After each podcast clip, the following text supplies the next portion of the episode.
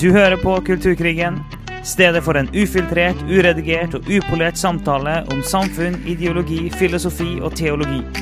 En podkast av og med Steinar Lofnes og Alf Kåre Dalsbø.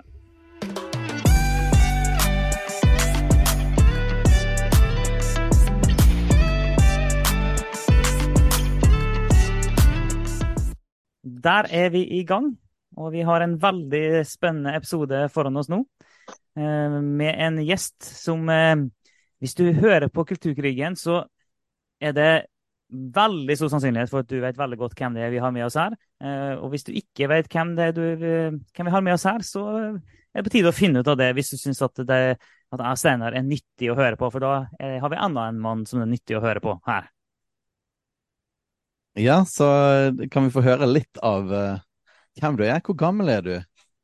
Espen Ja. Ottosen, vi må jo si navnet. Ja, Ja, vi tenker alle, vi har vært oss til nå at alle kan se på forhånd. Ja, Når de trykker på podkasten, så ser de liksom Ser de det? Så, så jeg skal ikke gå i den fellen igjen, da. For jeg har mange ganger så har vi prøvd å eh, holde det som en hemmelighet, liksom, hvem gjest vi har.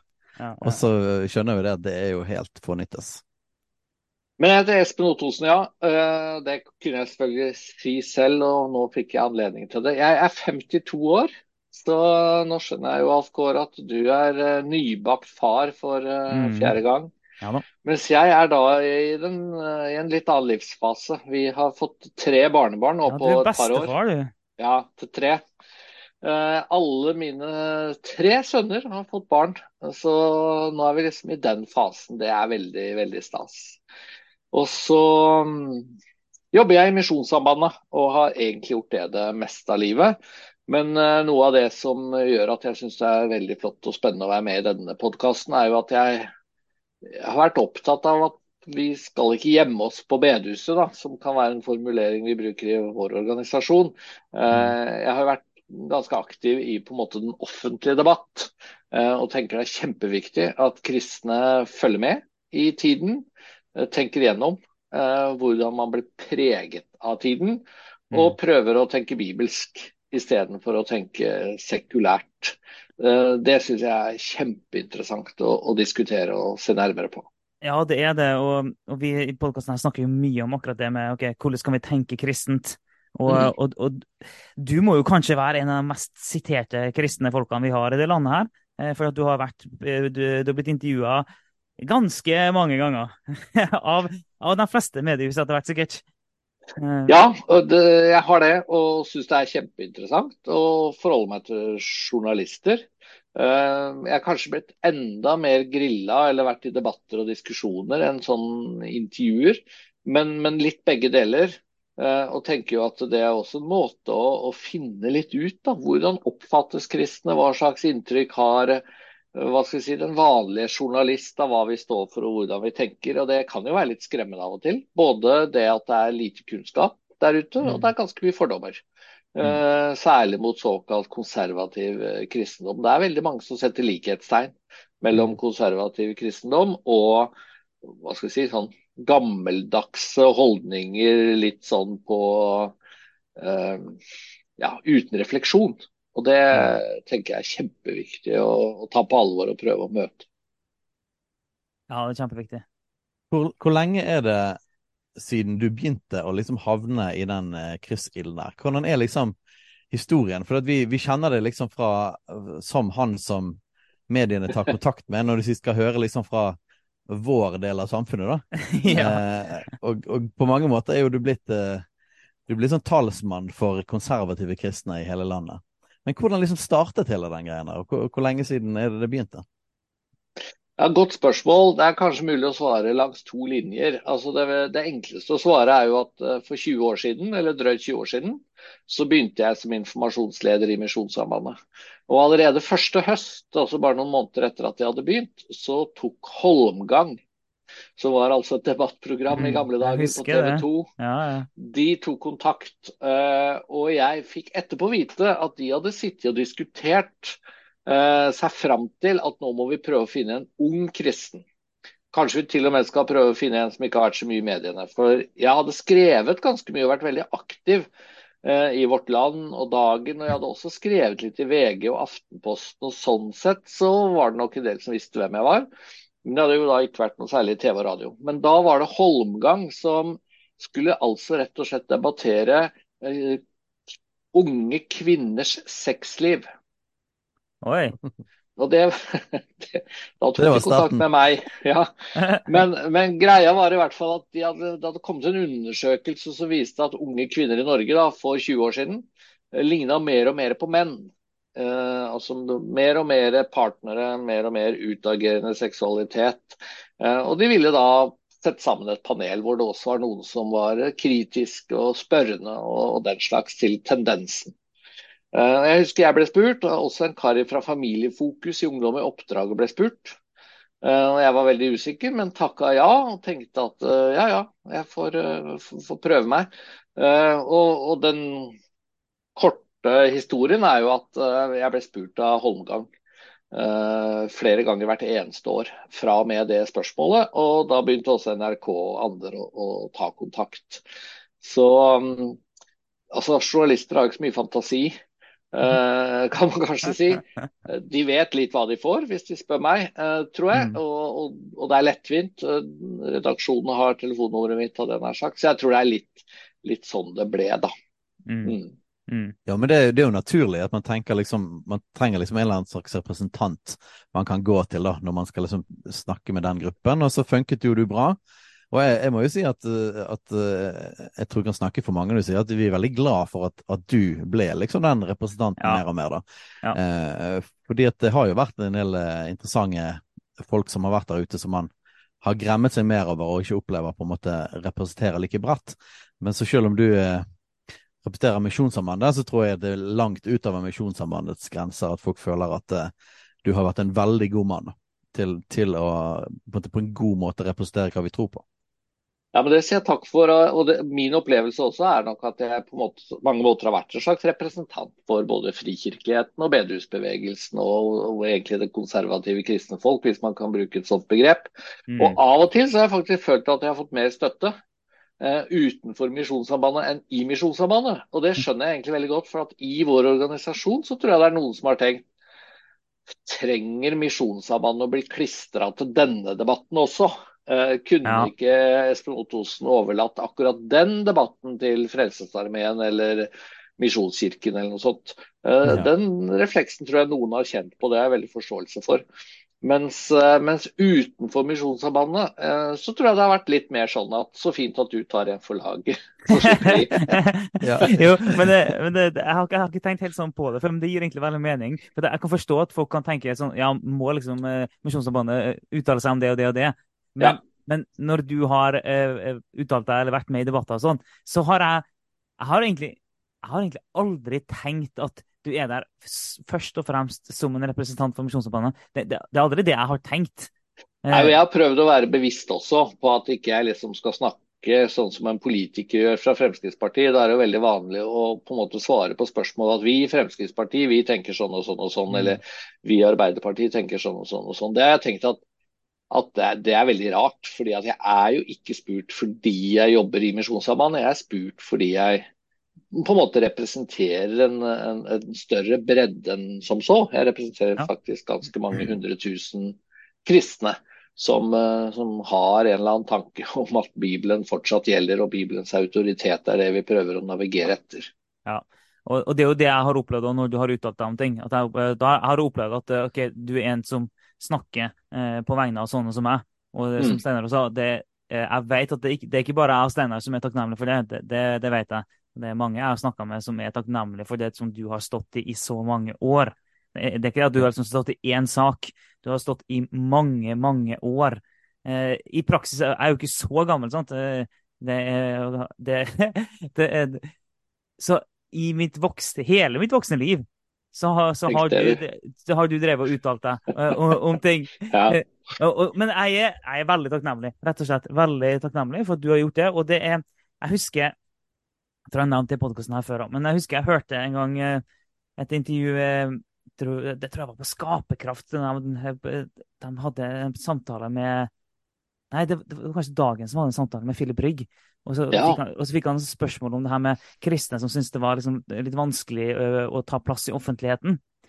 Eh, og, og, ofte så har folk mye forståelse for det, men han hadde på en måte overraskende eh, lav forståelse Eller eh, ja, litt, eh, ikke, Han ga lite sympati da, eh, for det. og poenget hans var det at nei, vet du hva? kristne må faktisk bare stå opp og ta plass. For Hvis en ikke tar plass, så blir rommet lukka. Hvis en tar plass, så kan holde det, det offentlige meningsrommet åpent for eh, klassisk eh, kristne synspunkt. Og Det har jeg ofte tenkt på. da, At, eh, at en, en, av, jobbene du har gjort, vært at du har vært en av dem som har stått der og holdt åpent det rommet på vegne av, oss, av alle oss andre. Og så er det på tide at eh, du kan bli avløst av og til. da, At det er en andre som kan gjøre det òg. Det, det, det, det trengs jo.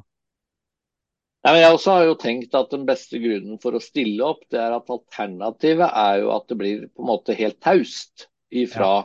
kristenfolket, da, for å bruke det begrepet. For det er jo ikke sånn mm. at jeg stiller opp fordi jeg tenker at um, jeg kan vinne alle debatter. Uh, apropos tema for denne podkasten, uh, så tenker jeg at vi står i en slags kulturkrig. Det er mange mennesker som som uh, tar rett og slett fullstendig for gitt en sekulær virkelighetsoppfatning. Ja. Og det å rokke ved den, det er sannelig ikke lett. Men bare det å vise eh, at det finnes kristne der ute som tenker annerledes, og de har faktisk ganske gode grunner, i hvert fall liksom innenfor sitt verdensbilde, da, for å tenke som de gjør, det har jeg tenkt at har en veldig egenverdi, og at det er mye å tape da, på at vi blir usynlige. Eh, selv om det også er eh, krevende debatter og diskusjoner å gå inn i. Mm. Mm. Ja, og jeg tror jo at uh, min opplevelse er jo at, at, det nesten har vært en strategi, eller kanskje bare et instinkt, i kristne folk at vi har prøvd å holde hodet nede. Uh, og på den måten har blitt mindre representert egentlig enn på si størrelsen, eller på det, hvor mange vi faktisk er i denne kulturen. I tillegg til den historien vi har, uh, og hvor mye egentlig kulturen vår er preget av kristne verdier under der, så har vi på en måte sant? stort sett vært veldig redde for å gå inn og, og, og, stikke opp hodet. Og Derfor er det utrolig viktig at det har vært sånne som deg som, som har gjort det. Det hadde vært interessant å høre litt om hvordan det har opplevdes personlig for deg og for din kone og familien. Og, og eh, har det vært for eksempel første gang du var der på Håndgang, var, var, du veldig redd? Var du nervøs? Hvordan hadde liksom det følelsesmessig vært? Ja, det jeg har kjent veldig nervøsitet. Og, og jeg syns det, det, er en veldig intens opplevelse uh, å være i disse debattene. Nå er det jo mest Dagsnytt 18. TV 2 har jo veldig lite uh, debatt for tiden. Uh, men jeg husker fortsatt Holmgang-programmet som varte i nesten en time. Og det var liksom ni personer som satt i panelet og skulle si noe. Og det var ekstremt intenst, så jeg husker jeg måtte jo se debattene etterpå. Eh, for å liksom få en slags følelse av hvordan gikk egentlig dette, og hva var det nå som foregikk. Eh, og også prøve å lære litt, da. Eh, når kan du eventuelt prøve å bryte inn? Hvordan prøver du å få ordet uten at du fremstår uspiselig? Og hvor lenge kan du snakke før du kommer til å bli avbrutt uansett? Det er ganske, mm. Jeg syns det er veldig sånn fascinerende format. da. Og Det tror jeg kanskje har vært en av mine fordeler. At, at jeg, jeg møtte møtte ganske mange folk, i hvert fall når jeg var med i en del debatter i håndgang, kristne som sa at aldri om de kunne tenkt seg å vært med i håndgang. Det var så tabloid og fordummende, fordummende, og man fikk ikke snakke i mer enn 40 sekunder, og hva var vitsen? Uh, og jeg har jo forståelse for at noen kan oppleve det sånn, men jeg syns det var gøy.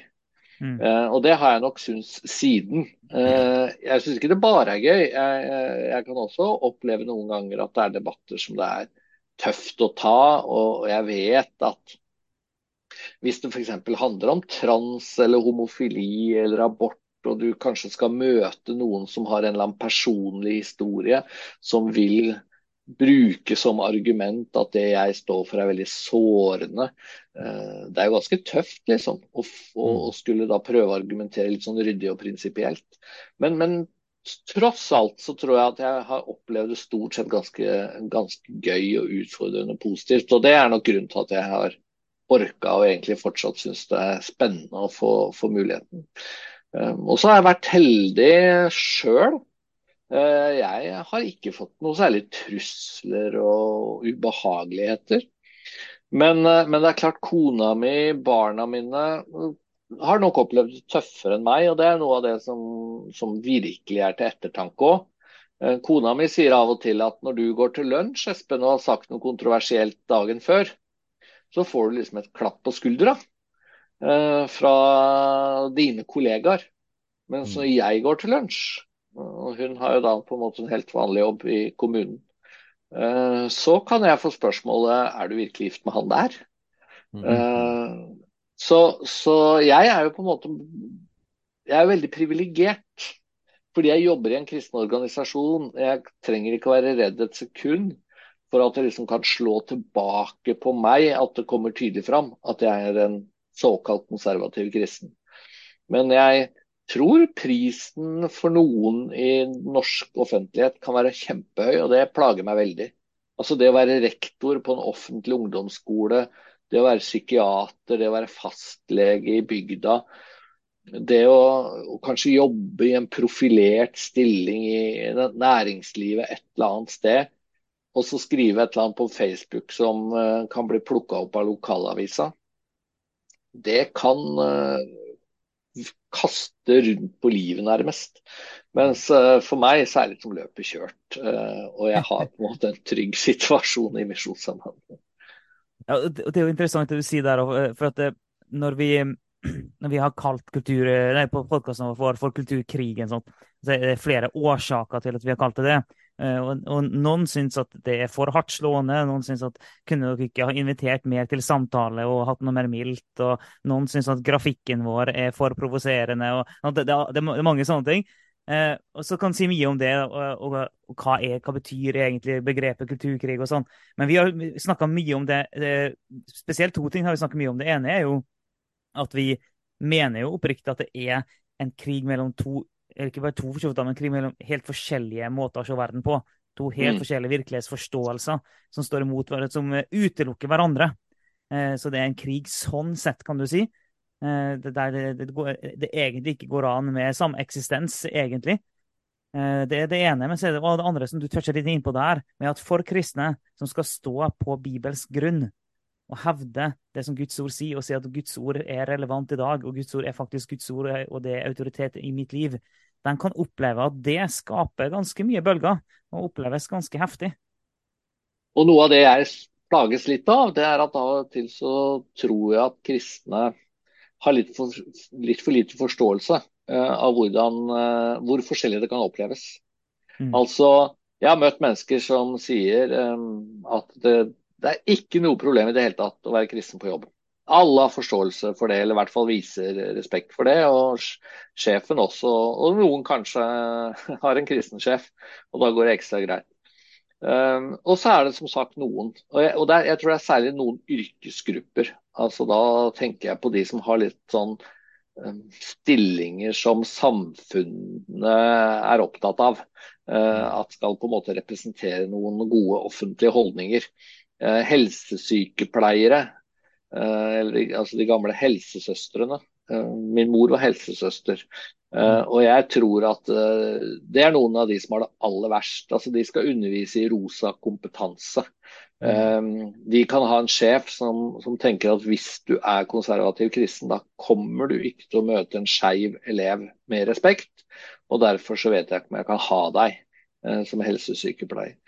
Eh, og det at vi kan på en måte bare respektere at på spørsmålet eh, er det forfølgelse av kristne i Norge i dag, eller er det mye motstand for kristne i dag, så, så er svaret at det oppleves kjempeforskjellig, og det må vi respektere. Mm. Mm. Et annet element er jo òg at, at flere og flere, og det er jo en del som tar kontakt med oss og forteller nettopp om det, at de blir på en måte utsatt for opplæring. Mm um, som gjør at hvis de holder hodet nede, så blir det på en måte ikke noe vanskelig, og kanskje folk vet at de er kristne, og det går fint. Um, men hvis de skulle på en måte på en eller annen måte reagere på, på opplæringen de får, eller, ja. eller, eller rammene de får eh, sånn, La oss si at du jobber for eksempel i barnevernet, eller jobber i en barnehage eller barneskole, ungdomsskole osv. Så, videre, så vil det på en måte være veldig ubehagelig og kanskje noen ganger er fare for, for jobben din, eller at du vil sant? Og folk som får advarsler og sånne type ting som det. Så én ting er på en måte hvordan du opplever det hvis du bare går rundt og du er en hyggelig kristen. Ja. Eh, men så er det òg det der med, med, at det er ganske tydelig økning på trykket av hva du må på en måte være med på. Eh, eh, og skal du si fra om det, så, så har du òg et problem veldig mange steder. Jeg hørte nylig om en problemstilling et sted hvor det var slik at når man begynte som ny på arbeidsplassen, så fikk man utdelt nøkkelkort. Og det nøkkelkommet kom med pride halsbånd. Ja. Og kan du da, er det da greit å si at jeg er ikke helt komfortabel med det?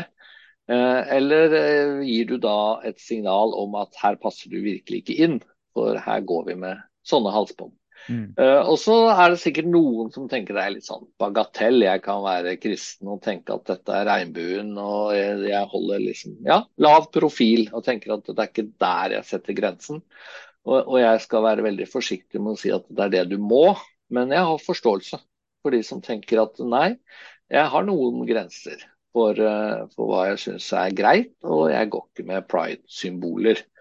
Uh, og Det tror jeg vil oppfattes ganske ulikt uh, rundt i landet, i hvor stor grad det ville blitt akseptert. Så er, Sånn sett så er det en eller annen form for uh, kulturkrig, og så det, kan det være vanskelig å slåss med si, bibelske våpen og ikke bli Altså fortsatt være mennesker som vender det andre kinnet til. Det er jo det mm. som jeg syns er litt sånn krevende når temaet også er kulturkrig. fordi jeg vil være samfunnsengasjert, jeg vil stå for noe, jeg vil ha rak rygg. Men jeg vil også vende andre kinnet til å tåle, tåle forfølgelse og motstand. Og Jesus ble spytta på, og det står vel at han sa ikke et ord. Så, så det å navigere på en klok måte der, eh, er jo også noe å virkelig reflektere over.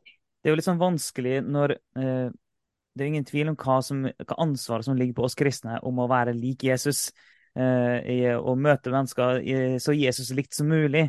Mm. Det, det, det, er et ansvar som ligger på oss. Men når samfunnet rundt oss har en helt annen definisjon av kjærlighet enn den kristne definisjonen av kjærlighet, så blir mm. det òg litt vanskelig. For når en tenker at ja, Jesus bare elsker mennesker, og så tar han, så, men så tar han den sekulære forståelsen av kjærlighet, og, og, og, så, og så måler en opp mot at eh, ja, men dere kristne dere sier at dere er uenige i det eller det. Eller, og sånn. Så, ja, men vi, vi, opererer med helt ulik forståelse av kjærlighet. så bare Der blir det faktisk ganske vanskelig. Mm. Jeg, jeg, tror jo at litt av løsningen, det løser ikke alt, men det løser litt, det er jo at vi forsøker å praktisere eh, kjærlighet i den betydning at vi viser respekt og vennlighet mot alle. Ja. Um, at det kan holde et stykke på vei. En av de bøkene som har inspirert meg mest i den senere tid om akkurat dette, jeg vet ikke om dere har vært innom den tidligere, men Rosaria Champagne Butterfield Han skrevet en bok om gjestfrihet. Om radikal Gospel comes with a house key, er det den tenker på? The Gospel Comes with a House Key. Mm. Uh, og Den er jo veldig fascinerende på den måten at hun var jo da en lesbisk aktivist som ble radikalt frelst og en usedvanlig konservativ kristen da hun var nesten 40 år. Og da hadde hun en eh, ph.d. i engelsk litteratur og jobba på et sekulært universitet. Og så ble livet snudd trill rundt. Men hun har en, synes jeg, en veldig sånn tankevekkende kombinasjon av at hun viker ikke en tomme. Og jeg tror at sammenlignet med de fleste kristne i Norge, så er hun antagelig et hakk mer konservativ enn de aller fleste, og kommer fra et et veldig konservativt kirkesamfunn nå. Mm. Men er også veldig opptatt av å åpne hjemmet og slippe på en måte inn alle i sitt hus og vise godhet mot naboen. Om han så bruker crack og selger narkotika, så er på en måte oppgaven eh, som kristen er å elske han. Så eh, der er det et eller annet, en mulig kombinasjon da, som jeg syns hun setter ord på på en veldig interessant måte ikke det i veldig stor grad det, det eksempelet vi finner da både i Jesu liv og, og, og, gjennom Det nye testamentet? At det er jo kombinasjonen av, mm. av litt sånn ukom, altså kompromissløs tydelighet på sannhet og Guds ord, men radikal kjærlighet til mennesker. Eh, og, sant? og det finnes jo eh, en Akkurat den kombinasjonen av det, som er jo veldig, si, veldig bibelsk, eh, er jo noe som blir forsøkt i kulturen vår å si at det er umulig, da. Sant? At, at måte, kjærlighet betyr òg total aksept. Um, men jeg tenker jo som kristne må vi jo så, Måten vi forstår kulturkrig på, er det at vi er i en situasjon av en kulturell revolusjon. altså Vi er i en situasjon av en enorm om, omveltning på verdier eh, og, og, og, og, forståelse av verden, som preger måte, hele kulturen. Sånn, det er ikke bare en politisk ting, men det, måte, det går i alle, i alle, ledd og institusjoner. Men det er mer en situasjon vi er i, mer enn at vi driver kulturkrig, og at vi er kulturkrigere. Eh, mm. Jeg tenker sånn vi er kristne. Uh, vi er kristne midt inn i en, i, en kulturell omveltning uh, som egentlig ikke, som ikke vi har satt i gang. Og jeg tror veldig mange kristne har og Jeg har veldig sympati med det. Jeg opplevde det sånn òg i mange mange år. det er liksom sånn der, Hvorfor skal vi bli presset inn i å måtte fokusere på noe som ikke er vårt liksom, hovedtema, og vårt, vårt hjerte, liksom? Mm. Uh, det, er så, det, er så, mye mer i, i, vår tro enn bare synet på seksualitet og identitet og, og, og sånn. Og det er litt sånn der, eh, veldig ubehagelig og følt å bli trengt inn i et hjørne, nesten. At vi alltid må snakke om det, da. Um, men samtidig men jeg... tror jeg at vi ikke slipper unna, da. Vi, slipper på en måte ikke, altså, vi, vi, vi, kan ikke kompromisse på en måte på det å leve et liv som, som vi skal, skal representere Jesus, og samtidig tydelighet. Altså, Jesus var jo heller ikke Sto jo ikke i veien for å si politisk ukorrekte ting. Eh. og, og, kanskje er det du setter ord på nå, det som er det aller mest krevende da, med, med, den sekulariseringen vi opplever akkurat nå, er at jeg tror at for 40-50 år siden så ville kristne i mye større grad sluppet unna med at vi, vi aksepterer ikke alt. Vi ønsker å være tydelige på våre verdier, men vi øh, ønsker å likevel å vise godhet og kjærlighet mot alle. Og, og, for å si det med det gamle slagordet, altså vi, vi hater synden, men vi elsker synderen. Mens, eh, og det tror jeg ville blitt langt på vei forstått for noen tiår siden. Mens eh, særlig, og det er jo derfor dette med kjønn og seksualitet så fort kommer inn i, i, i diskusjonene, særlig på det området så opplever vi jo en kulturell omveltning som er enorm. Mm. Hvor eh, hvor eh, det settes et likhetstegn mellom det å stå for noe, eller det å stå for en tradisjonell kristen kjønns- og seksualforståelse, og det å fordømme mennesker. Mm. Så det å Jeg syns det mest interessante eksempelet det er den rettssaken i Finland, som dere sikkert har fått med dere. Ja, jeg, tenkte akkurat, tenkte akkurat på det når, når vi snakket om det. Mm. For, for, der var det, var det, jo aktor som faktisk sa at, at det å si at man uh, mener at homofilt samliv er galt, men fortsatt vil uh, vise godhet og kjærlighet mot homofile, det er en kombinasjon som ikke går an. Fordi det å si at homofilt samliv er galt, det er å fordømme et menneske grunnleggende. Uh, og da, da blir uh, da blir det en fullstendig kollisjon i ja, forståelsen av kjærlighet og toleranse og alt dette. Og, og, og, ja. ja, jeg skal bare si at i, i alt det her, sånn, så er det så, er det så utrolig viktig at vi som er kristne, at vi, kan, at vi har Vi får en opplevelse av og en forståelse for at det, det grunnlaget vi står på, er solid. Eh, mm. Og saken er, altså Nå skal jeg prøve å ikke åpne for mange dører på en gang her. Eh, jeg har et resonnement, så jeg må holde meg sjøl i tøylene, kjenner jeg. Men eh, for at jeg tenker på um, Sånn som verden har utvikla seg, og i, i, sånn som den nyeste boka di, Eh, uten Gud er alt tillatt. Ok, det, det, Sånn er det samfunnet utvikler seg nå. Og hvis ikke kristne er klar over hva det er som foregår i samfunnet, hva slags mm. virkelighetsforståelse som beveger seg, så, eh, så blir den påvirka. Alle blir påvirka, men blir mer påvirka av det. På samme måte som at den som sier at 'jeg blir ikke påvirka av reklame', den blir mye mer påvirka av reklame enn det de tror. Eh, men så vi er nødt til å være klar over det som foregår der ute, og vi må være klar over hvor her vi står sjøl. Det er kjempeviktig, begge deler. Og jeg tenker også, så det er både det her, eh, det du beskriver i din bok, og så tenker jeg på Dere har jo restarta podkasten, eh, innså jeg nå fem minutter før du kom på her. så, det, så det, den, jeg skal høre episoden etterpå. Ja, ja, ja. Eh, så det, det var litt artig. Så jeg har ikke rukket hørt den, men jeg ser jo at du og Harald Hovland skal episode én mer sekulær enn vi tror. Og det, det, er jo en ting jeg og Steinar har snakka om eh, ganske sånn tidlig i podkasten her, og akkurat det der med at vi kristne er mer sekulære enn vi tror. Og vi brukte den, den formuleringa, vi òg. At Nå vet vi jo ikke hva, hva dere konkluderte med, da, siden vi ikke vi har hørt episoden. Nei, det var, det var, det var, det var et, spørs, et, spørsmålstegn der. Vi, men vi, vi, har satt et utropstegn bak det. Vi er mer sekulære enn vi tror.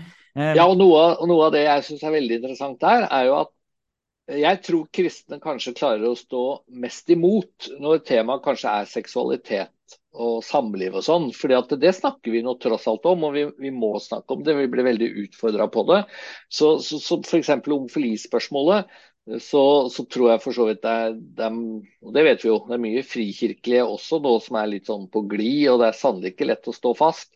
Men der tror jeg vi på en måte veit hva slags kamp vi står i. da. Uh, mens noe av det vi diskuterer i den podkasten, som jeg syns er utrolig spennende, det er skjer det endringer på andre områder av mm. livet ja. Eh, for, som vi ikke diskuterer i det hele tatt. Og, og, noe av det som jeg av og til har brukt som et eksempel som jeg synes er veldig sånn interessant, det er at når det er biskopvalg eller bispevalg i Den norske kirke, så er det slik at uh, ganske ofte får kandidatene sånn spørsmål om hva gjør at du kan fungere, egne deg godt som biskop.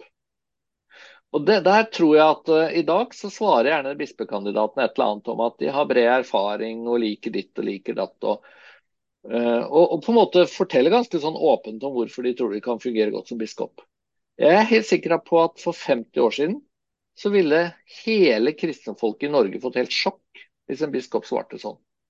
Fordi da var det en selvfølge, eller det var to ting som var en selvfølge. Det ene som var en selvfølge var at du skrøt jo ikke. Uh, altså Det å fortelle at du egner deg som biskop, altså det, det ville blitt sett på som helt vanvittig. Og det andre er jo at man ville tenkt at det er jo noe man blir kalt til. Det er noen mm. andre som skal finne ut hvem som kan passe i en slik rolle. Mens vi er, har på en måte blitt et slags sånn kompetansesamfunn hvor det er blitt mer akseptert at man sier at jeg er god på det og jeg har masse erfaring, og man legger ut CV-en sin på LinkedIn. Og, og, og, så tror jeg kanskje at det er noe vi overhodet ikke har diskutert. Uh, skjer det en holdningsendring der? Er vi litt mindre beskjedne? Og så kan det være en pendelsvingning òg. Kan godt hende vi var for beskjedne i kirker og bedehus for 60 år siden. Det er jo ikke all, all informasjon om at ja, jeg kan godt spille piano til denne fellessangen, som nødvendigvis betyr at man skryter av at man er så veldig god til å spille piano. Men, men, men sånne ting syns jeg er kjempeinteressant å diskutere. At det ikke bare er spørsmål om, om det vi alltid diskuterer. Da. Ja. ja, det er jo litt sånn at, eh, at det er klart at vi blir mye mer bevisst på de tingene som, som det er en kulturell konflikt på. Mm. Som det er trøkk på. Um, ja, og det interessante med det er jo det at jeg har merket sjøl at de siste årene så ting som man tok bare mer som en selvfølge, og som bare var et sånn selvfølgelig fundament, mm. som liksom versene i, i liksom første Mosebok kapittel én, altså første side i Bibelen, altså Gud skapte mann og kvinne, eh, det var jo ikke noe sånn veldig sånn her sitert vers. For det var Nei. på en måte så selvfølgelig at det var, var, på en måte at man aldri snakket om det. Eh, og så plutselig liksom, så blir det liksom et sånt kjernevers. da. Så alle disse versene sant, om ekteskap og mann og kvinne plutselig blir superrelevant og kommer liksom opp fra liksom anonymiteter og, og liksom vært der vekke. Og så blir vi veldig bevisst på det, de som er det, eller så glir man over i andre retninger sant, og blir tatt litt av kulturen på det. Eh, men det er klart det at alle blir jo påvirket av den kulturen man lever i. Og, og der skjer det jo masse, masse, masse ting og utvikling som vi Selvfølgelig så vi ikke tenker over engang. Um, og det vil jo være naivt å tenke at, ikke vi, at det gjelder også. Det er helt klart at det gjør det. Ja, og det å, forholde seg liksom balansert til uh, hva skal vi si, alle mulige temaer hvor vår oppgave som kristne det er å tenke bibelsk, det, det er sannelig ikke lett. Uh, jeg husker når jeg selv gikk på videregående, og det er da over 30 år siden så var jo det å være politisk engasjert som kristen, det betydde jo at man var med i KrF. Stort sett. Og hvis man var med i KrF, så var det én ting man skulle være opptatt av, og det var de svake. Altså funksjonshemmede, flyktninger, fattige. Det var på en måte KrF sin, sin stil. Og, og, det fine med det var jo at det, det kunne jo gjøre at kristne fremsto som veldig sånn snille og milde. Uh, på en god måte. Eh, mens i dag, så nettopp fordi at disse kjønn- og samlivsdebattene har kommet seilende for fullt, så er det ofte der kristne føler med rette at her må man være tydelig, her må man stå for noe. Eh, men så tenker jeg i hvert fall av og til over betyr det at det virker som at dagens konservative kristne ikke bryr seg om de svake i det hele tatt. Altså Er vi ikke noe opptatt av fattige og flyktninger og, og funksjonshemmede, da, for å bruke tre f-er. Eh, og Nå mener jeg ikke at det finnes en spesifikk kristen innvandrings- og integreringspolitikk, så, så, det må man jo kunne være litt uh, uenig om, selvfølgelig. Men på en måte nestekjærligheten uh, er jo kjempeviktig, og at vi må gjøre en innsats for å ikke bare bli oppfatta som de som har veldig tydelige meninger Uh, på en måte om de aktuelle debattspørsmålene, men, men, men, ikke tar på en måte de andre temaene også på alvor. Det er, det er en kunst, det er krevende. Ja, men derfor trengs jo denne type podkaster og debatter og diskusjoner. Da. Ja, det, det, det, er krevende. Jeg tenkte på når du liksom dro den sammenligningen med hva Kristian tenkte for 50 år siden, altså, nettopp det her med liksom, å tenke bibelsk, som er en sånn formulering vi ofte bruker. Uh, så, og, og, Vi ønsker å lære folk å se verden gjennom, eh, gjennom bibelske briller, er jo en sånn ting vi har sagt. Så mm. at, Det er Bibelen som skal tolke verden, det er ikke verden som skal, skal tolke Bibelen.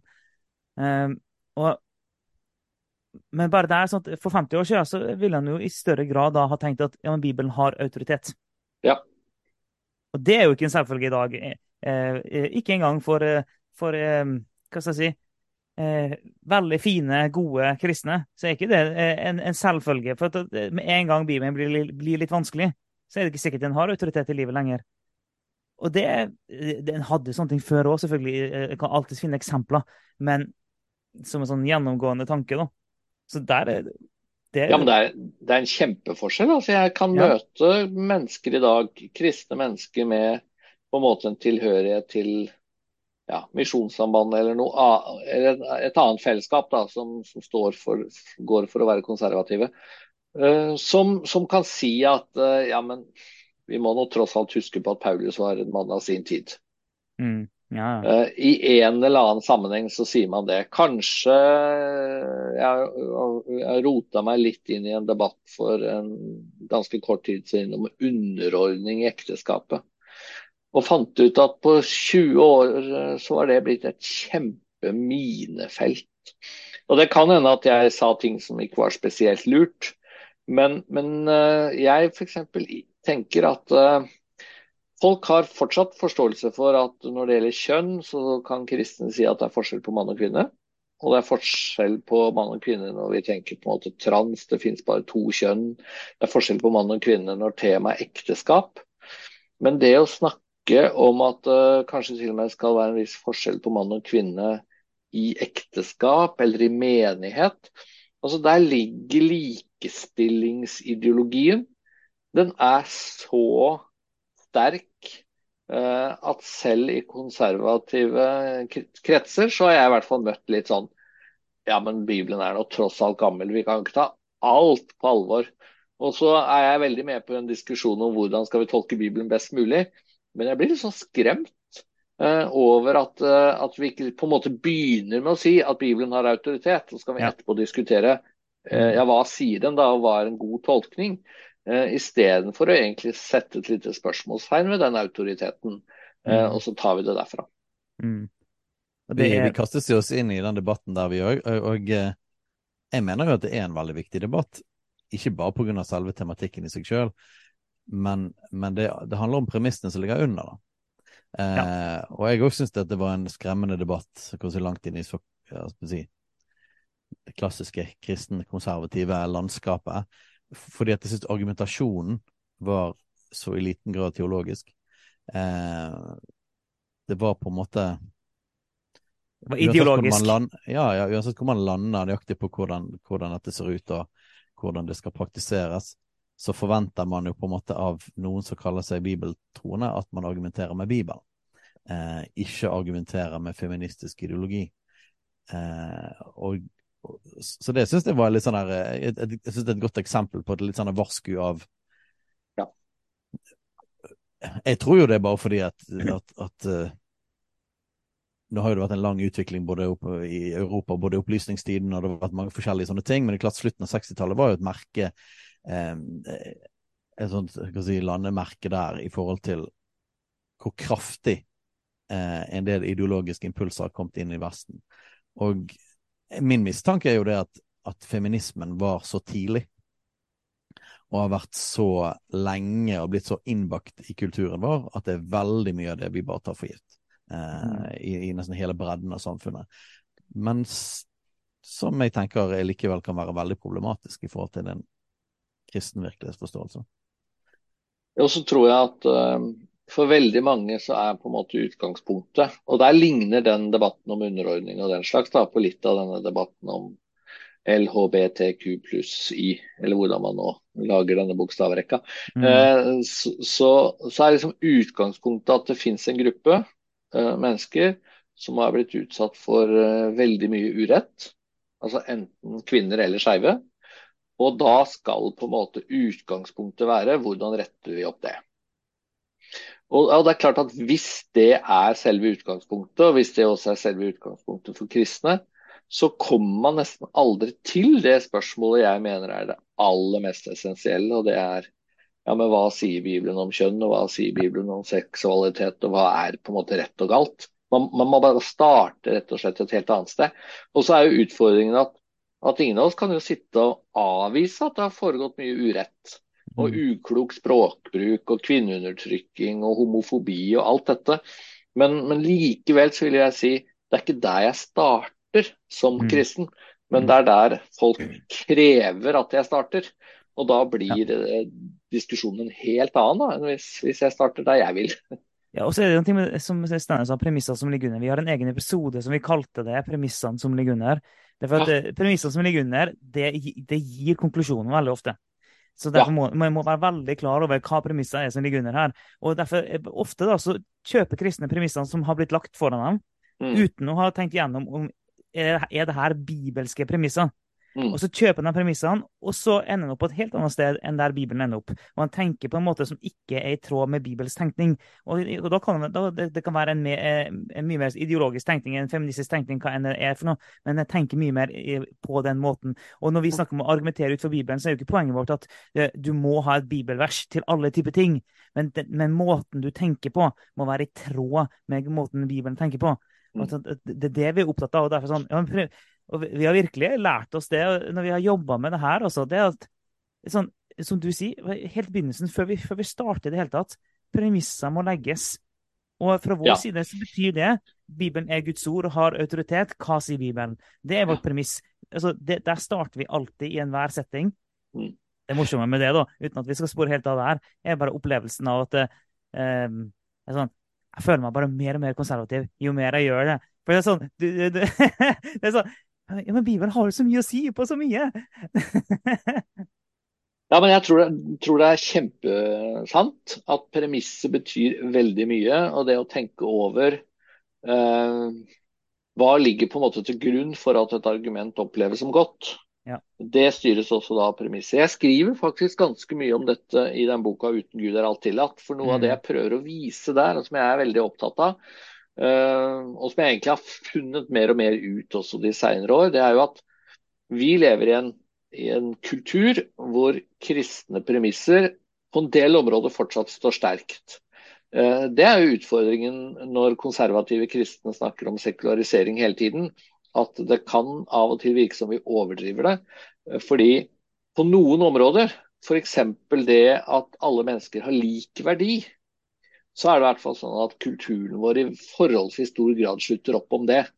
Og det som er jeg å si, hermetegn dumt med det, da, det er jo at mange sekulære mennesker tror at dette er en slags sånn selvinnlysende verdi. Mm. Men det er det jo ikke. Altså I det gamle Hellas for 2000-3000 år siden, og denne Hammurabis lov i Babylon altså Det var en selvfølge at alle mennesker var ikke likeverdige. Mm. Eh, Det var forskjell på Jørgen Hattemaker og kong Salomo. Det var faktisk forskjell i lovverket. I Hammurabis lov så ble alle mennesker delt inn i tre grupper. Enten var du elite, eller så var du på en måte vanlige folk, eller så var du slave. Mm. Og rettighetene dine og pliktene dine var styrt etter hvilken uh, plass du fikk i det hierarkiet.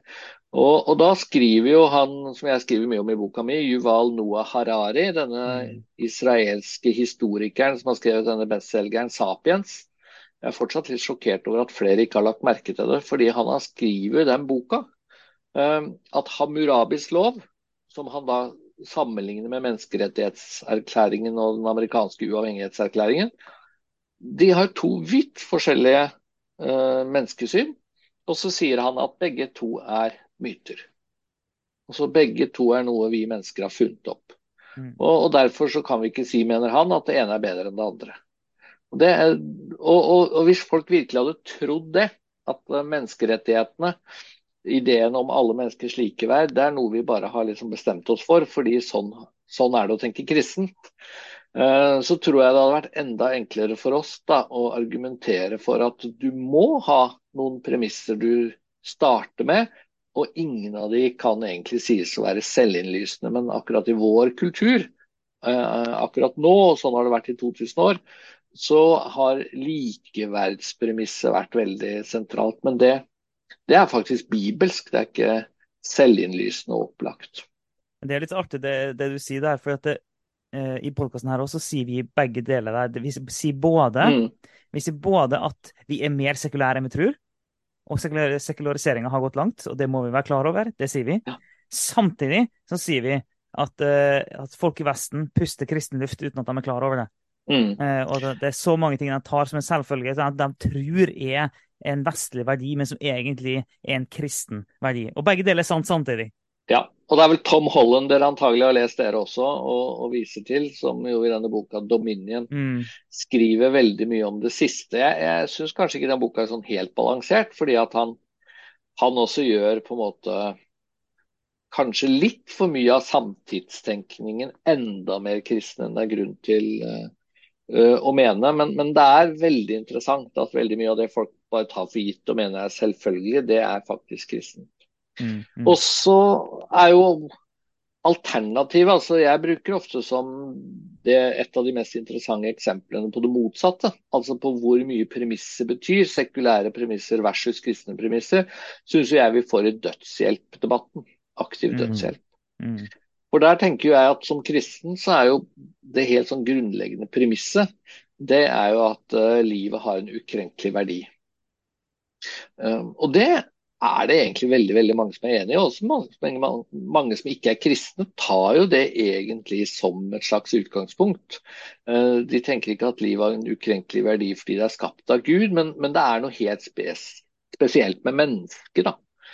Mens det som jo er den sekulære forståelsen som virkelig siger inn, og som jeg også tror preger kristne i stor grad, det er at selvbestemmelse er liksom det aller, aller viktigste. Mm. Mm. Og, og, det er klart, hvis uh, hovedpremisset ditt er at jo mer folk kan bestemme selv, jo bedre er det. Punktum. Så er det klart det å bestemme når man skal dø, uh, det er jo en selvfølge, det. Uh, da, da, blir det litt som at det er en selvfølge å bestemme hvilken skole du skal gå på, hva du tror på, hvilken utdannelse du tar, og hvem du gifter deg med, og alt sånt. Men, men som kristen så tenker jeg med det, Selvbestemmelse er fint, det, men det er noen ting vi ikke kan bestemme selv. Vi kan ikke bestemme foreldrene våre, vi kan ikke bestemme kjønnet vårt. Vi bør heller ikke bestemme når vi dør. Det er, det er noe på en måte som er gitt. Da. Og Som kristen er det veldig enkelt å si. Som sekulær så er det litt vanskeligere, eller mye vanskeligere, da, å, å begrunne uh, hvordan vi rangerer disse premissene. Jeg syns det er interessant det der med fordi en sånn grunnleggende kristen ikke bare forståelse, men en grunnleggende kristen bekjennelse og til alle tider er jo 'Jesus er Herre'. Mm. Det er kanskje grunn, en av de mest grunnleggende bekjennelsene en kristen kan ha. Det er 'Jesus er Herre'. Uh, og det er jo nettopp det, da. at det, han, Hvis han ikke er herre lenger, hvis det er vi som er herre i vårt liv, ja, da kan vi bestemme når vi skal dø. Da kan mm. vi bestemme uh, hva vi vil gjøre til enhver tid, uavhengig av andre.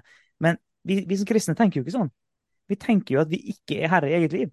Vi tenker jo at Jesus er herre, og det er en konstant eh, proklamasjon, eh, en daglig proklamasjon over vårt liv. Jesus er herre både over mitt liv og mine omstendigheter og, og, og det som skjer. Jesus er herre. Eh, og, da, og det, det, former jo vår tenkning på en måte som gjør at vi som kristne ikke kan tillate oss å tenke at vi, er, at vi har full autonomi, da. Og Derfor er det også en ganske interessant sammenheng, ser jeg, da, mellom en debatt om aktiv dødshjelp, en debatt om kjønn, en debatt om samliv. Fordi enten så har du som utgangspunkt at du er skapt av Gud, uh, med noen rammer for livet. Mm. Nemlig hvilket kjønn du har, hvordan du, du bør utfolde din seksualitet, uh, når livet tar slutt. Altså, e, alt koker jo ned til det du sier. Jesus er uh, herre. Uh, og, og, det at vi er skapt av han, elsket av han og er møtt av hans bud, det, det legger noen rammer som er helt annerledes Mm. for de som setter Gud på sidelinja. Da, Mm. da sier det seg nesten selv. Uh, Og da, og da er alt lov, da. Da er alt lov. Da er akkurat som boka di. Da er alt lov. Med Ja. en gang Jesus ikke er herre, så er alt lov. Og da er det om å gjøre å bare konstruere uh, seg fram til. Altså konstruktivisme snakker vi av og til om, når, Mm. særlig når temaet er kjønn og seksualitet. Da. Mm. da er det selvbestemmelse og konstruksjon av egen virkelighet som får forrang. Så ja. Vi har jo kalt det guddommelig konstruksjon i podkasten her, som er, som er sånn motsats mot noe, alt det der. At eh, vi, vi tror ikke på det, men vi tror på guddommelig konstruksjon. Det tror vi på. Mm. Det er ikke primært sosial konstruksjon. Og sånn sett er det jo, er jo det, det grunnleggende premisset er jo på en måte fins Gud eller ikke. Er Guds eksistens. Så når vi jo måtte grave nedover liksom i, i premissene og virkelighetsforståelsen, så er jo det det som, som avgjør alt. Og klart avsetter man Gud, og det har jo, har jo vært en lang prosess. Jeg leste I sommer så leste jeg en sånn, eh, sånn eh, Nietzsche for dummies. Um, ja. og, og eh, de fleste kjenner jo på en måte den setningen sant, fra Nietzsche at Gud er død. Ja. Men jeg ville bare sette meg litt mer inn i han. Og på en måte der ser man jo veldig tydelig den her eh, akkurat dette premisset, kristne premisset, da, som fortsatt preger Vesten ganske kraftig med, med menneskets verdi, um, som vi tar for gitt. Så ser du på en måte en filosof som på en måte tar det totale oppgjør, kan du si. Ikke bare med Guds eksistens, men på en måte det hele det, det kristne premisset og menneskeverdet. Um, og da får det jo ganske drøye utslag, uh, som jeg tenker at de fleste i Vesten ville jo reagert veldig på. Uh, fordi at vi tross alt er, er mer kristne uh, ennå enn kanskje vi tror. Samtidig. Ja, og jeg skriver ganske mye om Nietzsche også i min bok, fordi han er en veldig veldig interessant stemme. Han sier jo egentlig det jeg sier, bare fra stikk motsatt utgangspunkt. For han sier jo at hvis du forkaster Gud, og, og, og det har kulturen vår gjort, Gud, kulturen vår har erklært at Gud er død, er jo hans poeng på slutten av 1800-tallet, så er det jo meningsløst å bare videreføre en kristen moral. Altså Det har vi, skriver han da, ingen rett til. Den Mm. kristne moralen. Og dessuten er han jo veldig kritisk til den. altså At barmhjertighet og omtanke og omsorg for svake skal liksom være det helt primære uh, i moralen og etikken. Det syns jo han er forkastelig. Så, så han vil jo ha en helt annen moral, og han mener at det er helt sprøtt, egentlig, uh, at mennesker som har forkastet Gud, liksom bare tar for gitt at den, det kristne mul- moraluniverset er levende. Så han skriver jo f.eks. at uh, i naturen så er det jo sånn at ulver spiser sauer. Så hvorfor i alle dager skal ikke den måten å navigere på være greit for mennesker? Altså De sterke dominerer de svake. Det er, det er sånn naturen er. Hva er vitsen? Eller hvorfor skal vi tenke kristent?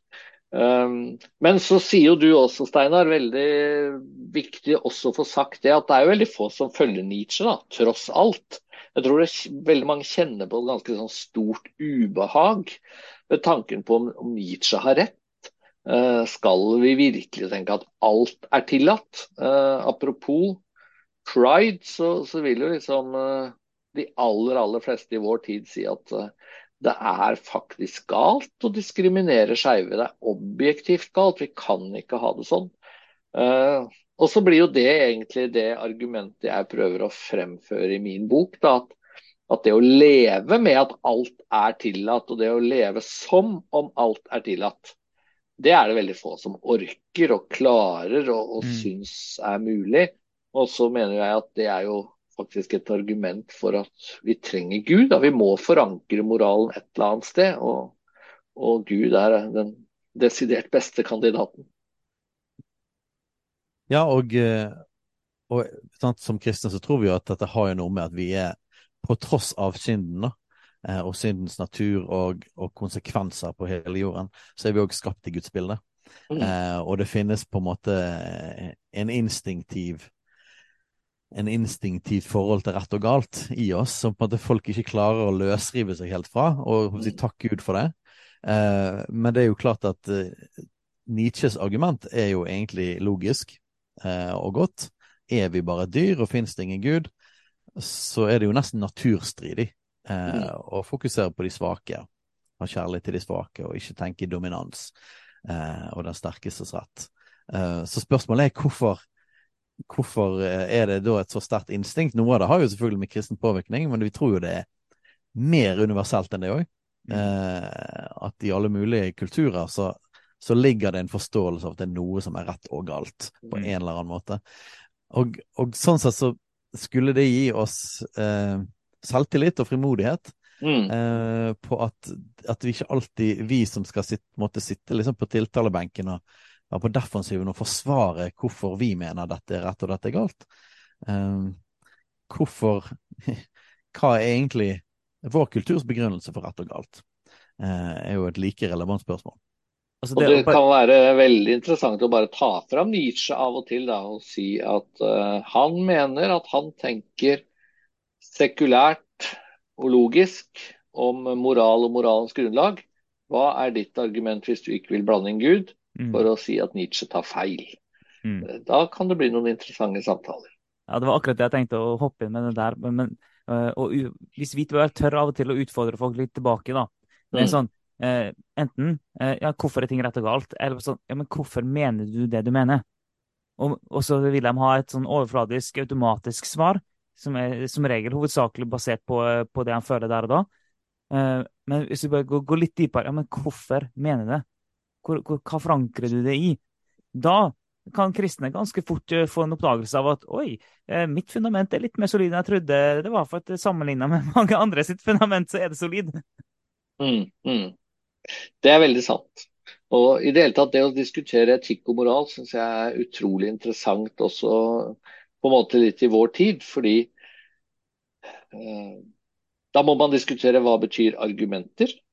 Mm. Eh, og det å argumentere moralsk er ganske krevende. Nå har vel dere akkurat laget en podkast om Jonathan Haith, ja. eh, som jeg også skriver en del om. For han er jo veldig opptatt av eh, moral i et litt sånn psykologisk, sosiologisk perspektiv. Mm. Han er vel evolusjons- uh, ja. eller moralpsykolog, uh, hvis jeg ikke husker feil. Um, og, og han, han, gjør jo egentlig all moral, nesten i hvert fall, til et spørsmål om instinkter og intuisjon. Uh, og jeg syns boka hans er kjempeutfordrende og kjempeinteressant. Men, men det løser jo ganske mye som kristen. For da kan man jo si at ja, men Gud har jo skapt oss med intuisjoner og instinkter og samvittighet og følelser. Um, så det er jo ikke det at vi mener at uh, alle disse hva skal vi si, moralske refleksene er meningsløse. Men, men, de bør settes inn i en større sammenheng for at ikke moral bare skal bli et litt sånn eh, tilfeldige følelser der og da, som, som, jo gjør at ikke ting henger sammen. Det er jo mye å si om den boka, vi skal ikke på en måte gjenta den episoden. Men jeg syns jo det var, eh, det var en utrolig fascinerende bok. Eh, ja. Det var det. Eh, det var en,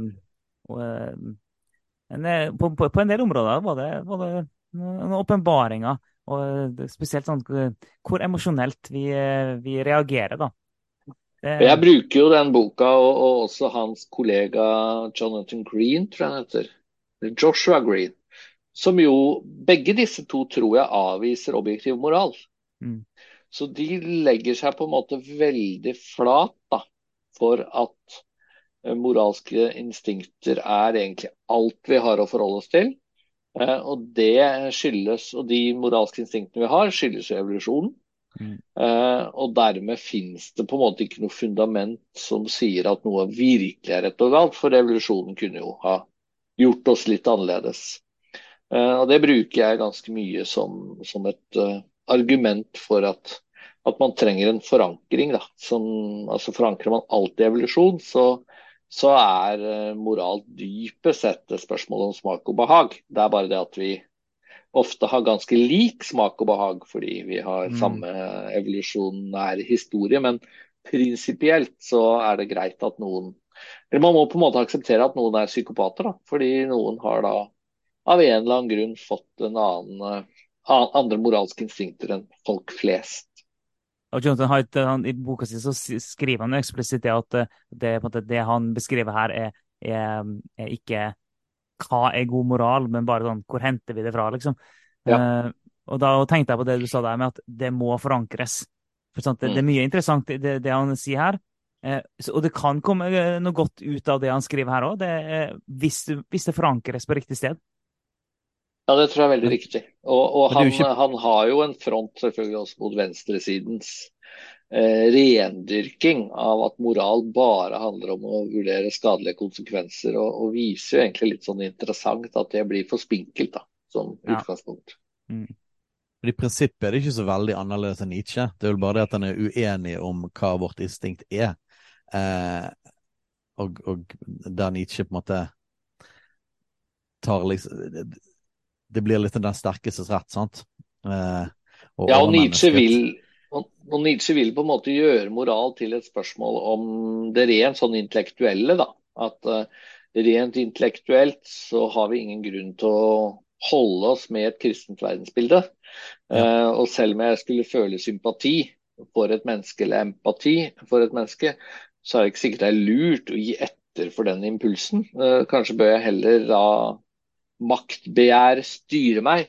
Så, men, mens uh, Jonathan Haight i, i, større grad sier at vi er nå en gang skrudd sammen som uh, empatiske dyr, og da uh, er litt sånn underforstått ut ifra hans tenkning at da, da, er, da, da, klarer vi ikke å kjempe imot egentlig, de instinktene. I hvert fall ikke fullt og helt. Men Det er jo interessant, sant? for det, det kommer jo ned til mm. spørsmålet er mennesket godt eller ondt på bunnen. da. Eh, og, og, en kristen virkelighetsforståelse er jo på en måte begge deler. Eh, vi har en forklaring på begge deler. Vi er både skapt i Guds bilde, mm. eh, men så er det òg noe som er, så er skadet da, av synden. Ja. Så, så du skal, du, skal, du, på en måte analysere verden for hvor mye godt er det i forhold til ondt, hvor mye gode instinkter i forhold til dårlige instinkter. Så jeg vet ikke helt hvor vi kommer ut resultatmessig, men du har jo du har gode beviser på begge deler, da, kan du si.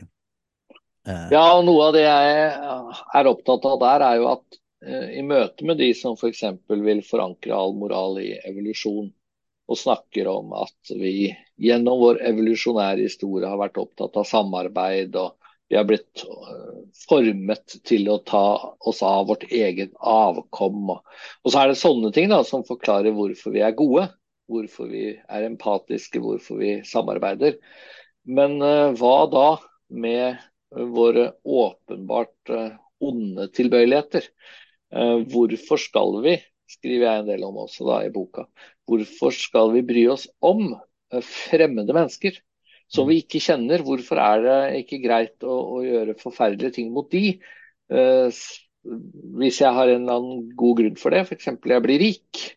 Altså, hvorfor er menneskehandel feil? Hvorfor er voldtekt feil? Hvorfor er folkemord feil? Uh, og da begynner det å bli veldig vanskelig da, å forankre det uh, utenfor uh, evolusjon. Altså Evolusjonen vil jo på en måte bare si at ja, men heldigvis er vi skrudd sammen sånn at vi er empatiske. Ja, men når vi får en god grunn til å ikke være det, da, mm. hva skal da holde ja. meg igjen? Og da klapper på en måte den moralske tenkningen sammen. Altså, den er jo, På mange måter kan du si at den er, den er jo like den skiller seg ikke så mye fra en, sånn klassisk postmoderne tankegang med at den, um, alt styres av uh, min opplevelse og min erfaring og mine følelser. Mm. Min levde erfaring definerer hele min virkelighet. Uh, og så, det, er ikke noe forskjell, det er egentlig bare for at jeg handler på mine instinkter. Helt klart. Så, og der er det ting å grave i, da. Fordi at jeg Eh, jeg prøvde å finne ut hvordan vil de som er veldig opptatt av evolusjonslærens betydning, hvordan vil de forankre moral? Og så tror jeg egentlig fant ut at de vil ikke forankre moral. De bare er mm. si, lykkelige over at det nå en gang viser seg at de aller, aller, aller fleste har empatiske tendenser. Og dessuten så er det jo sånn at det også lønner seg å være moralsk. Og det er også veldig interessant synes jeg, å grave i. fordi jeg håper å si Alle vi som, vet, som, er gift, vet jo at uh, det lønner seg å være grei med kona. Fordi at hvis man ikke er det, så, så får man jo et ganske elendig ekteskap. Mm. Uh, det lønner seg stort sett å være grei mot arbeidskollegaer. Det lønner seg å være grei mot naboen. Uh, ellers, så, ellers, så, kan du få et problem. Så Gud har jo skapt en verden hvor det egentlig lønner seg å være moralsk. Og Jesus sier jo også et sted altså hvem vil gi sin, sitt barn som ber om brød en stein? Altså i Matteus i, i bergprekenen. Mm. Eh, litt sånn Altså Det er jo logisk at når et barn er sulten, så gir du det brød. Og hvis du gir det et stein, så får du et veldig surt barn. Og hvis det barnet er veldig lite, så vil det stort sett bare grine og plage deg hele tiden.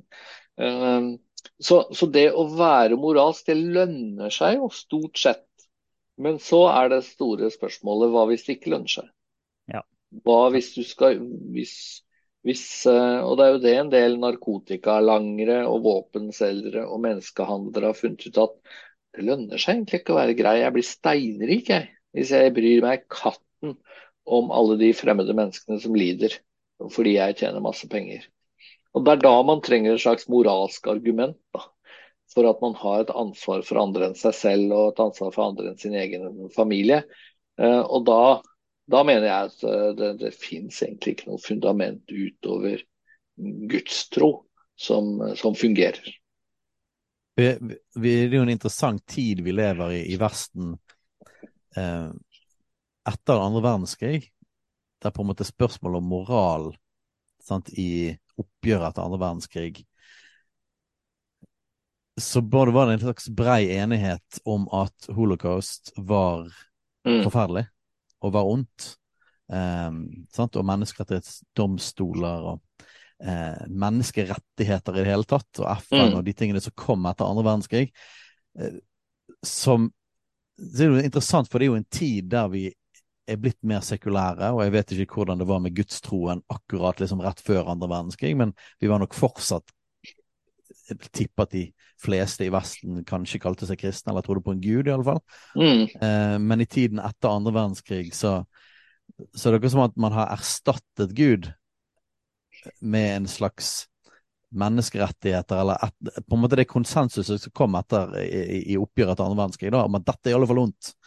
Ja. Eh, og, og, og, det motsatte av det er jo da godt. Um, og vi er jo helt enig i det, at, uh, at det er riktig, men vi, vi, vi forankrer, forankrer, det i Bibelen og en gudstro.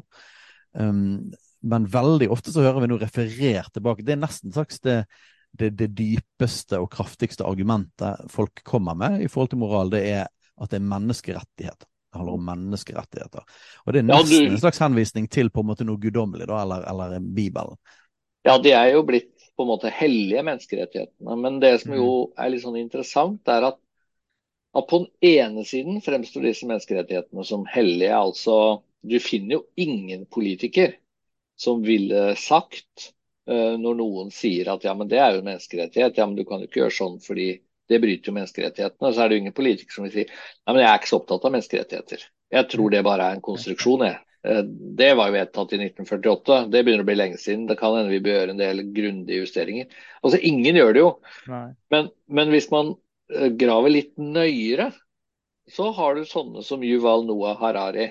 Altså mm. denne hyllede israelske eh, historikeren eh, som er gjennomsekulær. Som, som, altså sier at menneskerettighetene er en myte. Det er en fantasi oppfunnet av mennesker. Det finnes ingen argumenter for at det er sannhet. Og du har jo også Uh, altså De fleste filosofer, og drar jeg kanskje litt hardt til, da, men jeg, tok, jeg har tatt noen studiepoeng i menneskerettigheter da jeg studerte filosofi på Universitetet i Oslo, og ble jo egentlig sjokkert over hvor mange filosofer som innrømmet at det går ikke an å begrunne menneskerettighetene sekulært. Det går ikke an å begrunne det rasjonelt. Det er på, noen, på en måte noe vi bare har blitt enige om at det er lurt å tro på. Og mm. kanskje nettopp som du sier, da, Steinar, pga. holocaust, pga. annen verdenskrig, så ble det en slags kollektiv enighet om at vi må få på plass ideen om at enkeltmennesket har noen helt fundamentale rettigheter, ellers så kan dette skje en gang til. Men det er jo, det er jo ikke godt nok. Man, men, men, jeg syns jo noe av det som har vært litt vanskelig med å lansere denne boka, er nettopp det at mange sekulære mennesker sier at nei, du trenger jo ikke Gud å ha menneskerettigheter. Mm.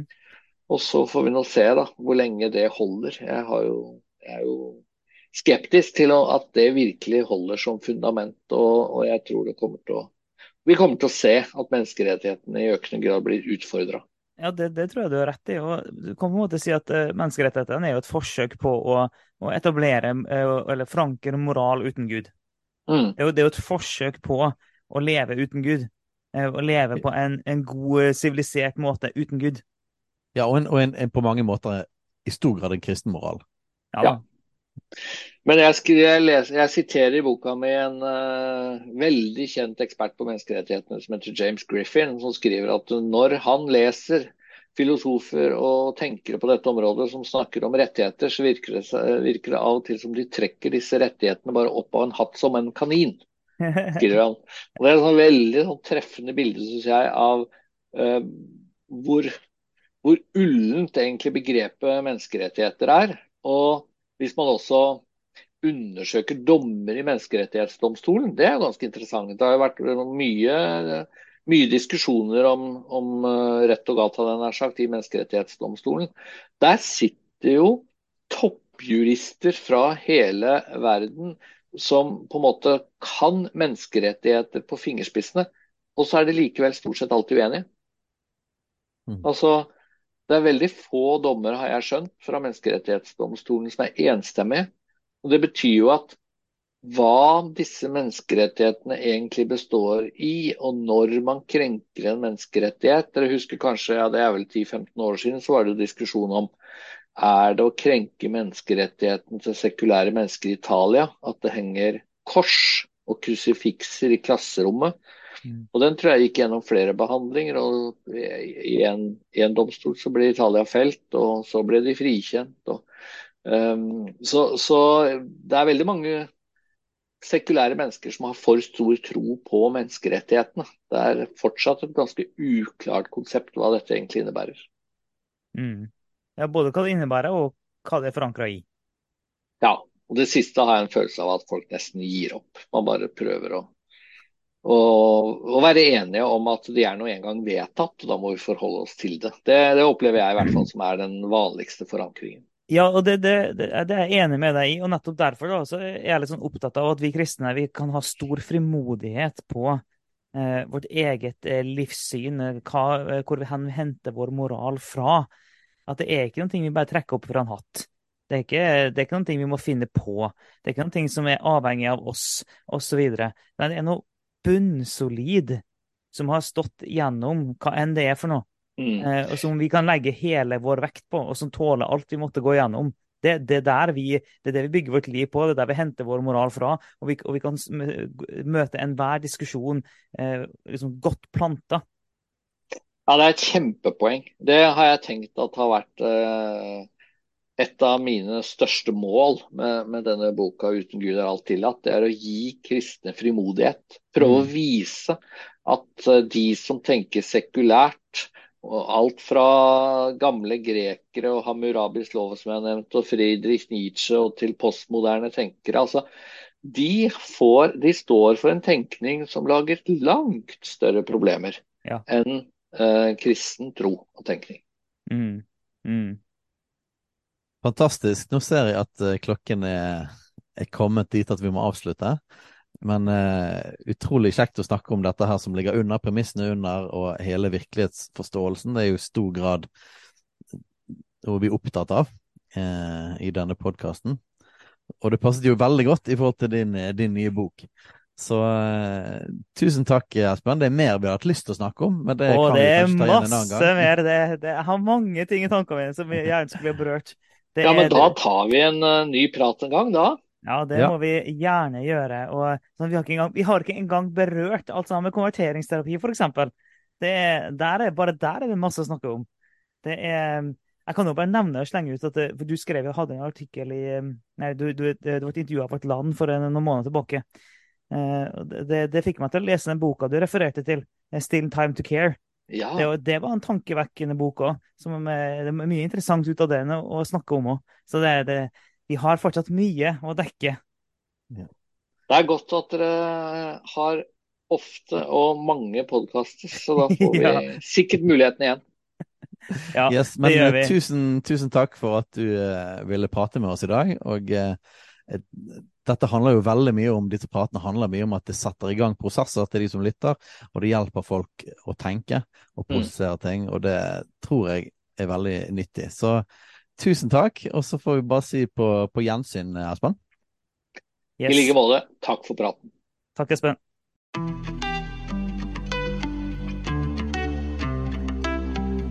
Takk for at du lytter på Kulturkrigen. Om du har tilbakemeldinger, spørsmål, hva som helst egentlig, send inn til post alfakrøllkulturkrigen.no eller på sosiale medier.